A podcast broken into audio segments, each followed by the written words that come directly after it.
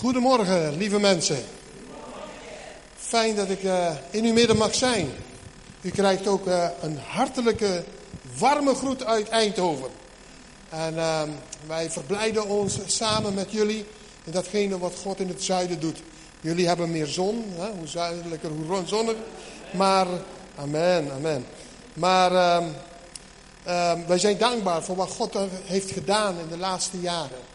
Ik wil vanmorgen met u een, een, een overdenking, een prediking houden. Waar um, zowel u en ik dit verhaal zeer zeker hebben gehoord. En ik heb niet de pretentie dat er uh, nooit over gesproken is. Ik heb ook niet het idee dat de kindjes op de zonderschool dit verhaal ook niet kennen. Maar het heeft mij zo geholpen de laatste maanden. Zo geholpen. En het is een doorleefd woord dat ik met u wil delen. Het is niet een prediking waar je zegt van theologische hoogstandjes. En dat je zegt van wauw, hier heb ik uh, bijzonder. Maar als u de lijn gaat volgen, dan heb ik het, de overtuiging dat, dat u tot grote zegen zal zijn deze dag. Daarnaast wil ik u ook aangeven voor wat God aan het doen is. Niet alleen hier in Schinnen. Het verblijdt me om dit te zien. Verblijdt me. Maar we zijn als gemeente ook enkele jaren bezig om dagelijks bidstonden te houden. Dagelijks. En dat is een offer. Het doet pijn soms. Het heeft alles te maken met je mindset, met je idee. En als wij onze diensten willen houden en kracht van God willen ervaren, en genezingen willen zien, en doorbraken van God willen zien, dan zullen we terug moeten gaan back to the basics. En de basic is God zoeken. En ik, uh, ik, heb, ik heb ook heel veel begrafenissen gedaan. In, in 31 jaar voorgangerschap heb ik uh, tegen de 500 begrafenissen gedaan. Dus denk niet dat ik vandaag een, een prediking kon brengen van begrafenis. Maar het is, helaas gaat het zo. En ook heel veel oudere mensen. En ouderen moeten sterven, jongeren kunnen sterven. En ook daarin heb ik gezien dat er... Um, dat God via die begrafenisdiensten ook mensen gered heeft. En dat mensen tot levend geloof zijn gekomen. Ik heb ook gezien dat het woord van God in alle omstandigheden werkt. En, uh, maar ik heb ook gezien dat jonge mensen, jonge mensen, wat moet, je, wat moet je vertellen? Wat moet je zeggen als prediker, als voorganger? Wat moet je tegen iemand zeggen die, um, een jong gezin die hun kind van drie, vier jaar kwijt zijn geraakt? Wat moet je zeggen? Dat God goed is? Dat komt niet over. Maar ik doe mijn best om te vertellen. Dat al begrijpen we dingen niet. Dat God hoe dan ook erin staat. En hij is er. En uh, ik wil u bemoedigen vanmorgen. Ik wil u bemoedigen op de weg van God te gaan. Ik heb ook mensen gezien en niet alleen sterven. Maar ik heb God gezien dat mensen genezingen hebben ontvangen.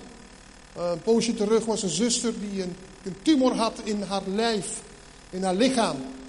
En ze is geopereerd en de operatie is geslaagd en de tumor is weggehaald. Anderhalf jaar later is de tumor dubbel zo groot teruggekomen. Maar dan konden ze niet meer weghalen, omdat het al vast zat aan allerlei soorten organen. Dat betekende dat het een kwestie van tijd was. we hebben gebeden, we hebben God gezocht en de tumor die is gewoon weggegaan. In de naam van Jezus. In de naam van de Heer Jezus Christus. Het is verdwenen. We hebben mensen gezien dat ge, ge, genezen zijn van rugklachten. Meer dan 30 jaar rugklachten konden niet goed lopen meer. En de zoon die zei, ik ken, ik ken mijn moeder. Nooit anders heb ik haar gezien dat ze met veel pijn is. Nou, die vrouw nu, die rent heen en weer in de kerk. En die is genezen. Ik wil, u, ik wil u niet zeggen de triomfen van Eindhoven. Ik wil u alleen maar zeggen dat onze God de triomfator is. Hij is onze God. En hij doet het ook hier in Schinnen. Hier moet je zijn. Hier moet je het evangelie horen. En vanmorgen wil ik graag met je lezen uit, uh, uit uh, Marcus hoofdstuk 4. En uh, het is zo belangrijk. Zo belangrijk wat het evangelie hier vertelt. En ik, ik wil uit hoofdstuk 4 van Marcus met u lezen. En als u dat kunt en wilt, laten we dat staande doen voor onze God. en dat het woord van God tot ons nemen. Ja? Marcus hoofdstuk 4. Vanaf vers uh, 26. Vanaf vers 26. En Jezus zei, het is met de, het koninkrijk van God als met een mens die zaad uitstrooit, uitstrooit op de aarde. Hij slaapt en staat weer op in dag uit. Terwijl het zaad ontkiemt en opschiet, ook al weet hij niet hoe. De aarde brengt uit zichzelf vrucht voort. Eerst de halm, dan de aar en dan het rijpe graan in de aar. Maar zo gauw het graan het toelaat, slaat hij er de, er de sikkel in, omdat het tijd is voor de oogst. En Jezus zei, waarmee kunnen we het koninkrijk van God nog meer vergelijken? En door welke gelijkenis kunnen we het voorstellen? Het is als een zaadje van de mosterdplant, het kleinste van alle zaden op aarde, wanneer het gezaaid wordt. Maar als het na het zaaien opschiet, wordt na het grootste van alle planten en krijgt de grote takken, zodat de vogels van de hemel in zijn schaduw kunnen nestelen. Met zulke en andere gelijkenissen verkondigde Jezus hun Gods boodschap, voor zover ze die konden begrijpen. Hij sprak alleen in gelijkenissen tegen hen. Maar wanneer hij alleen was met zijn leerlingen, verklaarde hij hun alles. Aan het eind van die dag, toen het avond was geworden, zei hij tegen hen, laten we het meer oversteken. En ze stuurden de scharen, de menigte, weg en namen hun mee in de boot waarin hij al zat. En voeren samen met de andere boten het meer op. En er stak een hevige storm op en de golven beukten tegen de boot, zodat die vol water kwam te staan. Maar Jezus lag achter in de boot, op een kussen te slapen. En ze maakten hem wakker en zeiden, meester, meester, kan het u niet schelen dat we vergaan? En toen Jezus wakker geworden was, sprak hij de wind bestraffend toe en zei tegen het meer, zwijg, wees stil. En de wind, de wind ging liggen. En het meer, het meer kwam helemaal tot rust. En Jezus zei tegen hen, waarom hebben jullie zo weinig moed? Geloven jullie nog steeds niet? En ze werden bevangen door een grote schrik en zeiden tegen elkaar, wie is hij toch? Dat zelfs de wind en het meer hem gehoorzamen. Lieve Vader, zegen dit woord in Jezus' naam. En iedereen zegt met mij, amen. Geef een twee, drie mensen een, een hand en zeg, God zegen je. God zegen je. Amen.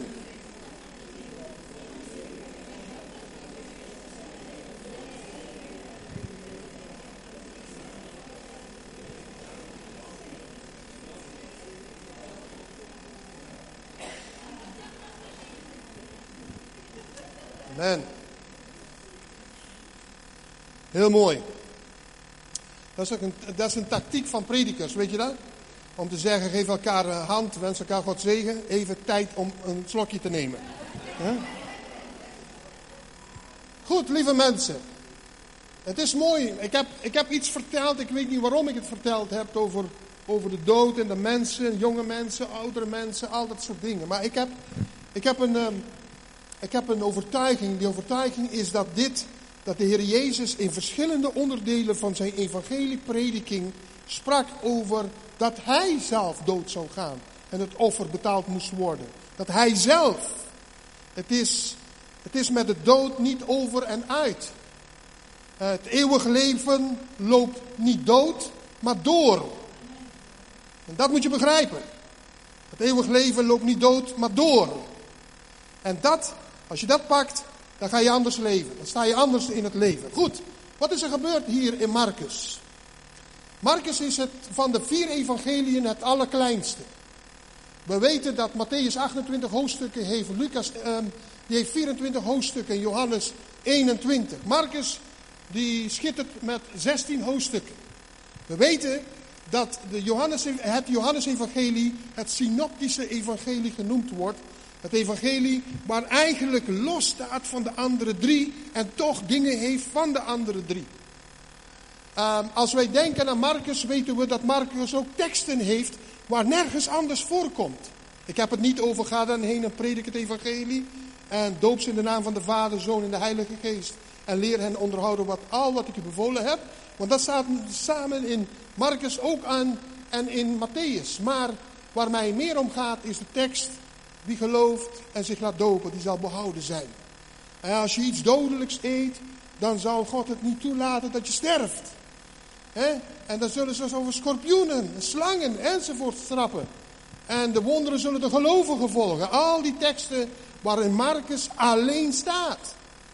Het is een evangelie die heel veel lijkt op Matthäus en Lucas.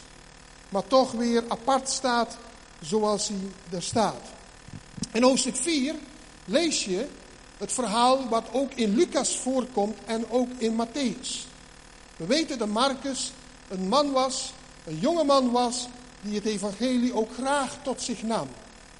Nou, hij vertelt het, geïnspireerd door de Heilige Geest, maar wel met het zicht van hem op de wereld, het als volgt. Jezus, die heeft veel dingen gedaan. Hij was aan het prediken. Jezus was aan het vertellen. En ik heb hoofdstuk 4 niet helemaal gelezen, omwille van de tijd. Maar ik heb een paar highlights gelezen. Jezus vergelijkt het koninkrijk van, de van, van God met het zaad. En dat de man, de boer, gaat slapen. Overdag heeft hij gezaaid, gaat slapen. Ondertussen slaapt hij, staat hij op, slaapt hij. En het zaad ontkiemt. En hij weet niet hoe. Maar op een keer, op een moment, komt iets uit de grond. Zo vergelijkt de Heer Jezus het evangelie. Dus hij spreekt de taal die wij begrijpen. De taal die de boeren begrepen. De taal die elke persoon in het Nieuwe Testament, die zijn toehoorders waren, die begrepen. En je moet zo voorstellen, de Bijbel die spreekt over scharen, een menigte die daar was. Een grote menigte. En als we in de Bijbel zien, als er genoemd wordt, menigte, het woordje menigte, kidonoin in het Grieks, elke keer als het gebruikt wordt, dan laat het zien dat het minstens over vier, vijf of meer duizenden mensen zijn. Dus er stonden daar op dat moment een menigte. Exact, maar we weten wel dat er veel mensen daar waren. En Jezus die gaat verder met zijn onderwijs, zijn prediking. En hij vergelijkt de, de, de, de, het, koninkrijk van God met een mosterdzaadje. Je kent het verhaal, je weet het zaadje, doe je de grond en vervolgens groeit die en dan wordt die groot en de vogels des hemels die krijgen daar gewoon beschutting. Geweldig, schaduw. En dan zegt de Bijbel, met zulke en andere gelijkenissen verkondigde Jezus uh, hun Gods boodschap. En dan voor zover ze het nog konden snappen. Tot daar aan toe zien we dus een aantal highlights van hoe Jezus ging in Marcus met de discipelen en de mensen, de menigte. Want Jezus sprak alleen in gelijkenissen, zodat de mensen het snappen, begrijpen. Jezus wil niet met een hoogstaand theologische verhandeling komen en over de hoofden van de mensen spreken. Hij wil jouw hart aanspreken. Hij wil dat je het begrijpt. Hij wil dat je het snapt. Hij wil dat ik het snap. Maar op een moment kwam een einde aan de dienst. En zoals we om en nabij half twaalf vandaag een eind aan deze dienst zou komen, zo kwam er ook een eind aan deze dienst. En dat was op een bepaald moment. En Jezus die ging in de boot en die zei, wij gaan naar de overkant. Als je hoofdstuk 5 zou lezen en bestuderen, dan weet je dat aan de overkant het helemaal niet zo prettig zou zijn. Want dan zouden ze in het land van Gerasene komen. En als je dat kijkt, bekijkt in je Bijbel en als je verder leest, dan zie je dat daar een man was die zo bezeten was, dan zeg je u tegen. Die man die had, let op, een legioen in zich. En als mensen hem vastbonden, als hij op de duivel even hem losliet, en dan pakten ze hem, ze grepen hem vast, kleden ze hem aan, zetten hem in kettingen en de demonen kwamen er weer opspelen en hij brak die kettingen. Hij liep naakt rond door die rotsblokken en overal in dat gebied. Mensen waren bang voor hem. En op dag, dan lees je dat Jezus uit de boot stapt, waar hij net ingestapt is in ons verhaal. Hij stapt en hij loopt en die man komt hem tegemoet, rennend. En die, op een gegeven moment valt hij op zijn snuffert en krijgt hij een gesprek met Jezus. Kort en krachtig. Jezus gaat nooit in lange gesprekken met demonen. Moet je ook nooit willen doen. Want ze liegen dat ze barsten. Want dat is hun aard. De Satan kan niet anders dan naar zijn aard spreken. Naar zijn aard. Hij is de vader van de leugen. Maar goed, deze demonen die hadden wel even een moment van koninkrijk van God. En het koninkrijk van de duisternis was een, een, een, een ontmoeting, een botsing, een confrontatie. En toen vroeg Jezus een aantal vragen, stelde hij een aantal vragen. En die demon gaf een aantal antwoorden. En die vroeg, alsjeblieft, mogen we in de zwijnen. Maar voordat hij in de zwijnen was, zei hij, we zijn met een legioen. En een legioen is in de Romeinse tijd, waarin dit verhaal beschreven wordt, Israël was onder het Romeinse koninkrijk. De Romeinen, de spaghettivreters, die hadden de macht over Israël op dit moment. Zij waren Herodes, zij hadden de soldaten. Het was een tijd van onderdrukking in Israël. En zij hadden, veel mensen hadden Jezus gezien als de nieuwe koning, de verlosser voor hun. En dat kun je lezen ook in Handelingen hoofdstuk 1. Heer, hoe lang nog moeten we onder, dit, onder deze druk blijven? Maar de Heer Jezus laat duidelijk zien dat zijn koninkrijk niet van deze wereld is, maar een ander koninkrijk. Maar de legioen, de Romeinse, voor de Romeinen, was een legioen tussen de 4 en 6000 soldaten. Kun je je voorstellen dat in deze ene man in het land van Gerasene tussen de 4 en 6000 demonen inzaten? Hey, het gaat niet om massa hier, het gaat niet om volume. Want het is onmogelijk om 4 tot 6.000 mensen hier in dit gebouw binnen te krijgen. Dat gaat niet. Al stapel je ze hoe dan ook, dat gaat niet. Ook niet 4 tot 6.000 mensen in een lichaam. Het gaat om 4 tot 6.000 persoonlijkheden, kwade persoonlijkheden, die in dat lichaam geplaatst zijn. Allemaal individuen die zaten in die man. Vandaar dat hij ook kettingen kon breken. Mensen waren bang. Maar Jezus heeft hen uitgedreven en u weet van de zwijnen. Dus Jezus die stapt in die boot en die weet wat aan de andere kant gaat gebeuren. Maar hij wil in de boot. En hij zei tegen de discipelen het volgende verhaal. Hij zei, laten we het meer oversteken. En de discipelen die stuurden de menigte weg en namen hem mee in de boot waarin Jezus al zat. Dat is het verhaal. Kunt u je voorstellen? Ik heb het nog nooit meegemaakt, in al die jaren niet, dat ik gelovig mag zijn. Dat er een voorganger of een oudste kon zeggen, weet je wat mensen, de dienst is afgelopen. Gaat u maar naar huis alstublieft. De volgende week weer om tien uur, zelfde plek, zelfde plaats, prachtige band. We gaan de Heer loven en prijzen, maar voor vandaag is het afgelopen. Ik heb het nog nooit meegemaakt. Hier sturen de mensen naar huis. En dat vind ik, dat vind ik opvallend, weet je wel. Maar goed, de mensen gingen. Oh, de dienst is afgelopen. Nu al? Hè? Jongen, jongen, het duurt maar pas vier uur. Waarom, waarom gaan we nu al naar huis? Nou, ze gingen naar weg. En Jezus, die was al in de boot. En even staat een versje in waar we heel makkelijk overheen lezen. En daar staat, en voeren samen andere boten het meer op. Dus je kun je voorstellen dat als dit de boot van Jezus zou zijn, de boot van de Heer Jezus, dan was een andere boot hierachter en er was een andere boot hier en ze voeren weg. En misschien waren anderen, nog een derde of een vierde. Dat staat er niet. Er staat alleen andere boten. Het kan twee of meer zijn. En ze voeren op het meer op. Er waren meer mensen die met hen meegingen. De discipelen zaten in de boot met de Heer Jezus. Nou, de boel fatsoeneren. En de, boot met de Heer Jezus, daar zaten de discipelen in. En de andere boot, boten, meervoud, daar lezen we één keer over en verder sloes. We horen niks meer van. Maar tot zover prachtig. De discipelen, ik kan me zo voorstellen, Andreas, Johannes, Judas, Iscariot, Judas, Thaddeus, Petrus natuurlijk. Die zeggen, oh was het niet een heerlijke dienst. Wat een mooie lofprijs. Het was geweldig. En heb je gezien? En Judas zou zeggen, hey, de collecte, het offer, die, oh, dat leverde veel geld op. En dat was mooi. Kunnen we mooie diensten gaan organiseren. En armen onder de armen delen. Zei Judas Iscariot. Hij bedoelt dit, hè, onder de armen. En op een gegeven moment. En op een gegeven moment.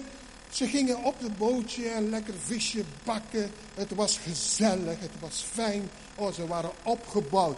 Weet je, christenen hebben zoiets. Wij, wij in Eindhoven, dat kun je aan mij zien ook. Als we prachtige diensten hebben, dan gaan we of naar Kentucky Fried Chicken of naar McDonald's. Gezellig met z'n allen. Leuk, het is fijn. We hebben een, geweldige avond gehad. Dan zitten we daar met 30, 40 man, 20 man. Het is toch geweldig, toch? En soms laten we buckets komen. Het is geweldig. En, en daar zitten we dan. En het is mooi. En, en, en die discipelen die genoten in de boot, joh. En dat was zo mooi.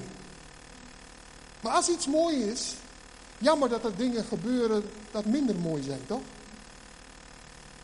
Ik weet niet waarom het staat, maar het staat er, omdat het gebeurd is natuurlijk. Er stak een hevige winter. Jammer hè, zuster van den Berg. Is jammer. Jammer dat er een hevige storm wind opleidt. De Bijbel gaat het best goed beschrijven. En Marcus, onze vriend van vandaag, die beschrijft het best wel nauwkeurig. Let op. Er staat een hevige storm op, op de golven beukten tegen de boot, zodat de boot vol water kwam te staan. Drie dingen. De storm. Bij levende gezondheid hopen wij volgend jaar met een groep van 50, 60 mensen uit onze kerk naar Israël te gaan. Die reis is al geboekt. Ik heb het zelf samengesteld van Daan, de noorden tot en met zuiden Eilat. En we doorkruisen heel Israël. Volgend jaar 17 jaar Israël. En christenen horen voor Israël te bidden. Horen voor Israël te bidden. Vergeet dat niet. Want vaak zijn we zo druk met onze dingen. Maar zegen, zegen het volk. Dan wordt je zelf ook een zegen. Zegt de Bijbel. En ze waren daar en ik was ooit eens op het meer van Galilea. Het heeft drie namen, het meer van Galilea. Het heet het meer van Galilea voor het gebied. Het meer van Genezeret, dat is een dorpje daarnaast. Of het heet het meer van Tiberias. Drie, zelfde benaming voor hetzelfde meer die je steeds in de evangeliën overleest. Als je leest over het meer van Tiberias, moet je niet denken dat het iets anders is dan het meer van Galilea. Dat is het meest bekende. Elke keer wordt een andere benaming in de evangelie voor genoemd. Maar als je dat leest, dan weet je, het gaat om het een en hetzelfde meer. En het meer van Galilea, waar ze nu op zijn, meer van Tiberias of Genezeret, daar zitten ze op. En ik weet, ik heb het gezien, op het meer. Ik was op het, het op Jezusbootje, jaren terug, samen met broeder Fijker Tervelde. En we waren op het bootje. En ik keek hoe het was. En ik had de Bijbel open, met verschillende passages. Waar Jezus op het meer was. Waar Jezus op dat water gelopen heeft. Hé, hey, het was overal golven. Jezus liep gewoon op dat water, zegt. Onvoorstelbaar. Bijzonder. En ik vond het zo geweldig dat wonderen en tekenen daar gebeurden. Hele ervaren mannen, die konden vissers, die wisten niet anders. Opa heeft gevist, papa heeft gevist, zij hebben altijd gevist. En nu konden ze niks vangen de hele nacht door. Jezus zegt, weet je wat, andere kant uit, gooi je net aan de andere kant uit. Alsof het dat heel veel uitmaakt. Nou, van links, nu naar rechts. En bam kwamen ze met 153 vissen, hadden ze binnen. Onvoorstelbaar. Dat meer is veel gebeurd. En wat is er nou het mooie van dit verhaal? En maar ook het enge. Dat het meer van Galilea is gesitueerd, gelokaliseerd tussen sommige heuvels. En daar heb je de zogenaamde verschijnsel, dat heet valwinden. Dan komt de wind vanuit de zee, Middellandse Zee, met een harde gang naar Israël toe. En via die bergen gaat hij omlaag. En de Karmel en bepaalde andere bergen waar Elia ook op zat, die komen naar beneden en die stuwen dat water omhoog. En slecht weer, regen, dat maakt het allemaal heel erg. En als het daar gaat spoken, dan spookt het echt. Het is niet een heel groot meer. Het is niet bijzonder groot. Maar als het gaat spoken, is het vreselijk. Zo erg dat we later lezen dat de discipelen, ervaren vissers, zeiden: We gaan verdrinken. Maar daar kom ik zo meer op. En die valwinden vielen op dat water. En het joeg het water omhoog. De golven gingen omhoog. En het water, de golven, beukten tegen de boot, zegt onze vriend Marcus. En toen ze tegen de boot beukten, dan werden ze, begonnen ze bang te worden. De boot gaat heen en weer. En ze hebben er wel eens vaker dingen meegemaakt. Als vissers op dat water, op dat meer. De storm was zo hevig, spreekt Marcus over. Hij spreekt niet over een stormpje, over, hij spreekt over een hevige storm. Dat op een gegeven moment zelfs water in de boot kwam. En nu begint mijn verbijstering nog groter te worden. Want dit verhaal ken je. Maar doordat je het kent, heb je niet meer een beeld van blanco accepteren de boodschap die er staat en er zit in dit verhaal. En ik bid in de naam van Jezus dat dit verhaal mag aankomen vanmorgen in jouw hart. Waarom? Wat mij zo verbijsterd is, is niet dat de golven zo hoog waren. Wat mij niet verbijsterd is, is niet, zelfs niet dat de discipelen zo paniekerig waren. Wat mij zo verbijstert in dit verhaal is niet dat er gebeukt werd tegen dat bootje. En vergeet die andere bootjes niet, hè. Want als deze boot het heeft, hebben die anderen het ook. Ze voeren mee, maar we lezen niks meer van hun. Maar reken maar van yes dat daar paniek uitbrak. En op een gegeven moment hadden ze het niet meer. Maar wat mij het meeste verbaast is, is dat Jezus gewoon verder tukt. Snap je dat? Ik wil je iets zeggen en begrijp me niet verkeerd, hè, met respect. Met respect. Maar begrijp me goed. Jezus had geen slaapziekte.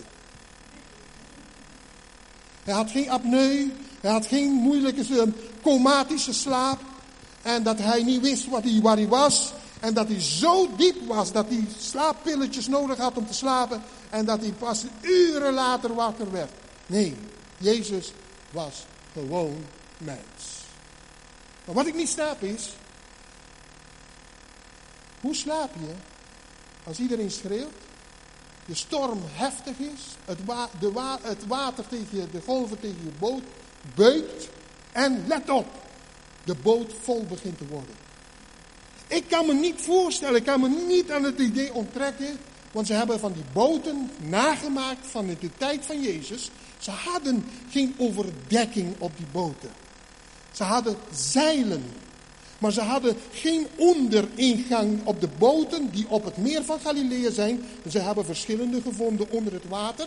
Vanwege deze dit soort stormen. Geen een van die boten hadden afdelingen, afdekkingen, een overdekking. Alles was open en bloot. In de tijd van Jezus op het meer van Galilea. Ja, op de Middellandse Zee is een grotere boot, grotere schepen, andere bouw. Dat is waar. Maar op het meer van Galilea. Geen overdekking.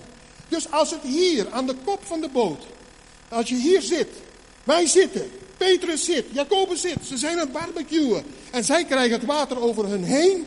En Jezus slaapt daarachter met een kussentje, met zijn hoofd op een kussen zonder overdekking, dan word je even nat als hier.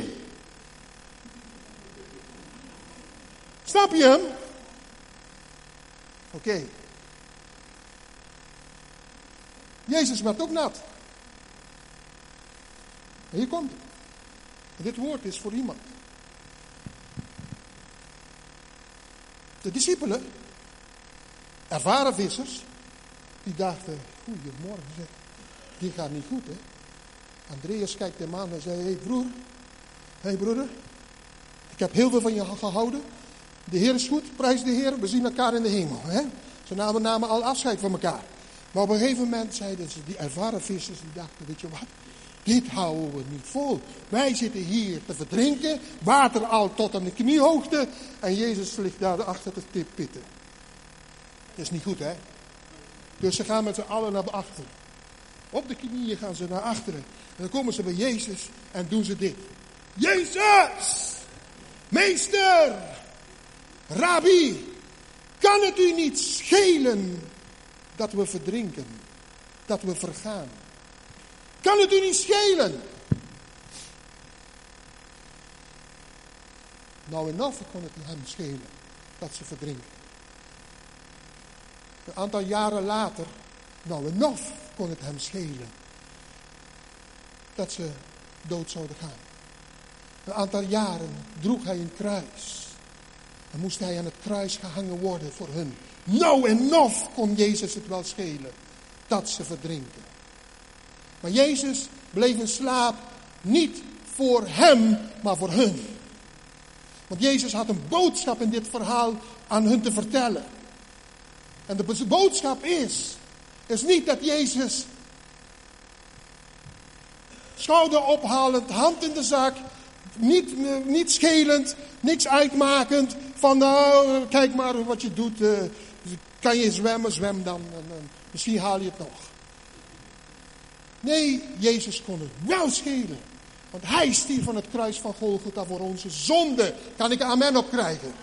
Ja, hij kon hem schelen. De vraag kon Jezus meteen beantwoorden. Meester, kan het u niet schelen dat we vergaan? Ja, wij kan het mij schelen. Maar wat mij imponeert van dit verhaal is, is dat Jezus niet wakker is geworden door de storm, door de golven en ook niet zelfs door het water dat over hem viel. Maar Jezus is wakker geworden door het roep, door de geroep van zijn kinderen.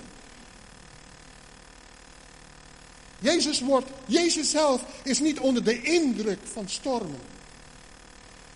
Want storm is goed voor je vorm. Jezus is niet onder de indruk van problemen, van zorgen, van golven die jij meemaakt in je leven. Die heftig zijn, die reëel zijn, die werkelijk jouw leven doen schudden op hun grondvesten. Jezus is niet onder de indruk van onze nood. Maar Jezus wil ons wel leren om op Hem te vertrouwen. Want wat had Jezus, wat die discipelen, of wat wij, of wat ik niet heb van nature?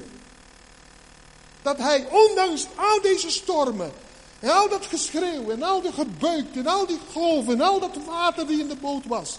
Wat heeft Jezus, dat hij wel rustig kon slapen en die anderen zo in paniek raakten. Ik heb gezegd, geen slaapziekte. Maar hij had rust. Rust die alle verstand te boven gaat. En je kunt praten wat je wil. Ik kan preken wat ik wil. Ik preek al 34, 35 jaar. Ik kan preken wat ik wil. Ik kan bidden wat ik wil. Ik kan geloven wat ik wil. Maar als ik niet mijn leven neerleg aan de voeten van Jezus en zeg: God, ik vertrouw u in goede en in slechte momenten. Het is aan u, Heer. Ergens in mijn leven heb ik een lijftekst gekregen. Ik weet niet waarom, maar ik heb het genomen in mijn leven. En dat is de lijftekst uit Daniel hoofdstuk 3. De vrienden, ik ga u niet het hele verhaal vertellen, maar die vrienden van Daniel hadden ook moeten buigen voor een grote beeld. Nebuchadnezzar die heeft een beeld gemaakt. En die gouverneurs die zeiden, u bent zo koning, hè? U bent zo, u bent zo goed, hè? Weet u? Maar het was listig. Ze wilden die drie vrienden te pakken krijgen. Maar weet u, als u een mooi beeld maakt van 30 meter, 60 meter L en 5, 5, 5 meter breed, dan iedereen onder het trompetgeschaal gaat buigen voor u, dan, dan weet u koning, dan bent u geweldige koning. Oh, de koning vond zich wel gevleid. Op een gegeven moment hebben de drie vrienden het niet gedaan. Maar wat is er gebeurd, lieve mensen? Toen dat gebeurd was, toen hebben ze hun leven geriskeerd.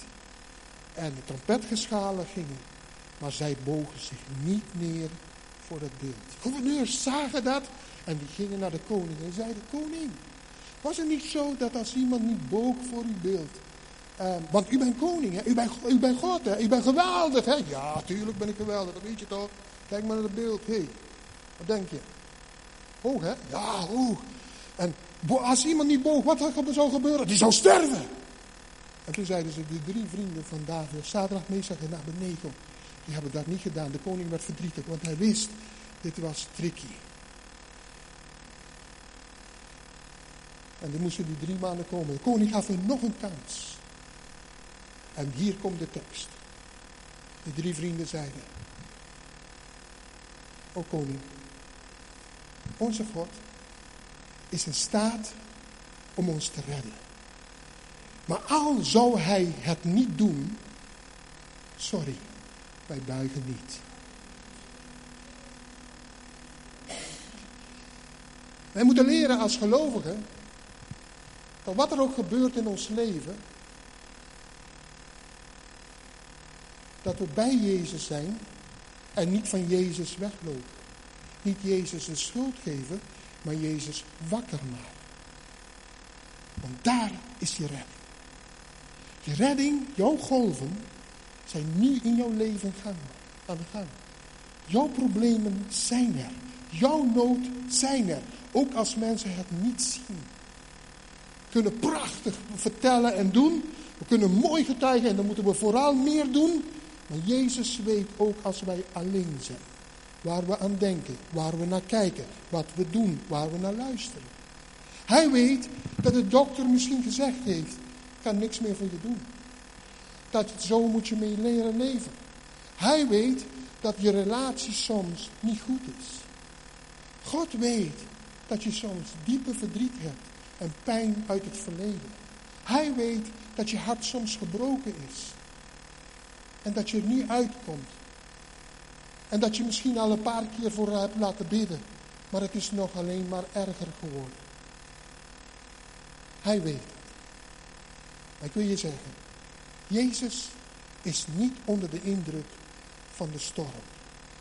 Hij werd niet wakker door de storm. Hij werd wakker door het geroep van zijn leerlingen. Maak Jezus wakker in je leven. Zoek hem. En let op, toen Jezus wakker is geworden, wakker is geworden, heeft hij een paar dingen gedaan. Hij werd wakker, zegt de Bijbel. En de Bijbel leert ons iets heel moois. Hij begon niet van, jongen, jongen, zie je niet dat ik lekker aan het slapen ben? Waarom zijn jullie zo vervelend? Je weet toch dat ik al de, de heel lange dienst heb gehad. Jullie hebben zelf de mensen weggestuurd. En laat me nou even rusten, joh. Nee, Jezus werd wakker. Hij keek. Hij hoorde het geroep van de discipelen. Hij zag, hij zag paniekerige ogen. Hij zag gezichten die, die, die op, op, op springen stonden. En toen draaide hij zich om en hij sprak drie woorden. Zwijg, wees stil. Er gebeurde iets wat nog nooit gebeurd is. In hoofdstuk, u hoeft niet op te slaan, ik wil het alleen zeggen. In hoofdstuk 1, vers 24 lezen we dat Jezus in de synagoge was en er was een demon daar. En Jezus heeft de demon in vers 24 uitgedreven uit de synagoge. In hoofdstuk 2 lezen wij dat er vier vrienden waren die Jezus had een dienst en er was zo vol, er waren schriftgeleerden daar. En weet je wat die vrienden gedaan hebben? Hebben die vriend laten zakken door het dak. Kun je nagaan. hey, dat iemand hier, Rijn, ik denk niet dat je blij mee wordt. Als hier mensen een gat in je dak hier eh, snijden. En dan iemand laten zakken hier. Dan kun je beter voor de voordeur gebruiken, toch? Daar is een voordeur voor. Maar het was zo druk, dat kon niet. En Jezus genas die verlamde jongen. Pak je matras op en wandel. In hetzelfde Marcus. In Marcus hoofdstuk 3 lees je dat er iemand was die ziek was. En Jezus, Jezus, Jezus die, die, die had een verschrompelde hand. En Jezus sprak tot hem, steek je hand uit. En die hand genas.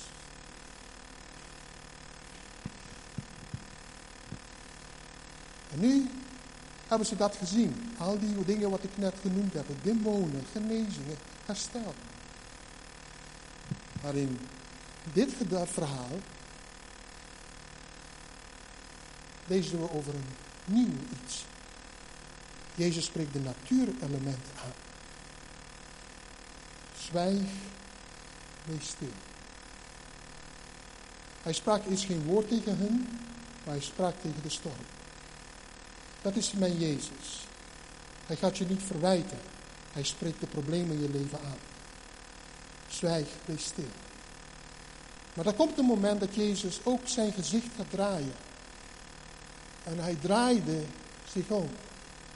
En hij stelde twee vragen. Terwijl het meer rustig werd en de storm ging liggen. De discipelen, hun monden vielen. En de andere boten, die waren totaal impressed door Jezus. En Jezus stelde twee vragen. In de oude vertaling staat, ook kleingelovig, hoe lang moet ik nog bij jullie blijven? Waarom hebben jullie zo weinig moed? Hé, hey, je bent aan het sterven. Je ziet hoge golven. Je ziet de boot gaat meters omhoog en meters omlaag. Je ziet dat er gebeukt wordt. Het is een kwestie van tijd dat je boot breekt. En als die breekt, is je beschutting weg. En als je beschutting weg is en je bent in het water, dood ben je. Kwestie van minuut. De golven over je heen, je krijgt geen lucht meer en je verdrinkt. En Jezus zegt, in dit geval, waarom heb je zo weinig moed? Ik begrijp Jezus' vraag hier niet. En toch begrijp ik. Want hij liet hen zien, de demonen waren weg, gevlucht. De arm werd genezen. De genezingen vonden plaats door Jezus. En er zijn er nog meer in Marcus. Heb je dat niet allemaal gezien? Waarom vertrouw je niet op mij? De discipelen, die trokken, keken naar beneden, ogen sloegen naar beneden. En Jezus stelt deze tweede vraag. Let op deze vraag. Een vraag van Jezus. Geloven jullie nog steeds niet?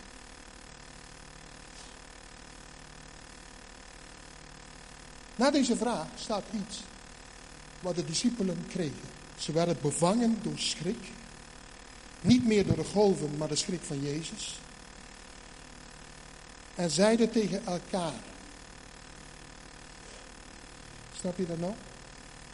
Snap je nou goed wat hij daar zegt? Wie is deze man, Petrus, Andreas? Hé, hey, ben je wakker? Wie is nou deze man? Dat zelfs de natuurelementen naar hem luisteren.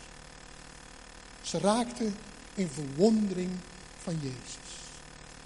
En hiermee wil ik mee afsluiten deze morgen. Want er valt meer over te zeggen.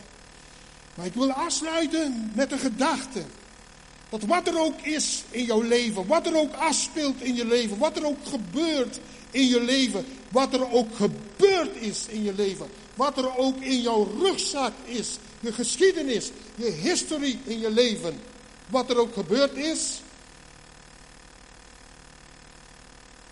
Zie niet naar de storm, maar raak onder de indruk van je Heer. Raak onder de indruk. Wie is Hij toch? O Heer mijn God, hoe groot zijt Gij? Dan zingt mijn ziel. Hoe groot zijt gij? Zij raakten onder de indruk. Wie is hij toch dat zelfs de wind en het meer hem gehoorzamen? Het meer is het beeld van je leven. Wie jij bent. Wie jouw leven is, jouw hart. Het meer is het beeld waar je, wie je bent, wie je denkt, wat je, wat je denkt en hoe je handelt. En dan wordt het soms opgejaagd door buiten, dingen van buiten. Stormen, valwinden die in je leven komen. En je krijgt te horen dat je ziek bent, problemen bent. Je geliefde houdt niet meer van je. Van alle soorten dingen. Je zit niet lekker in je vel. En de golven beginnen te beuken in je leven. Maar weet één ding, als je gelovig bent, is Jezus op dat meer. Maak hem wakker en bid tot hem. Zullen we gaan staan?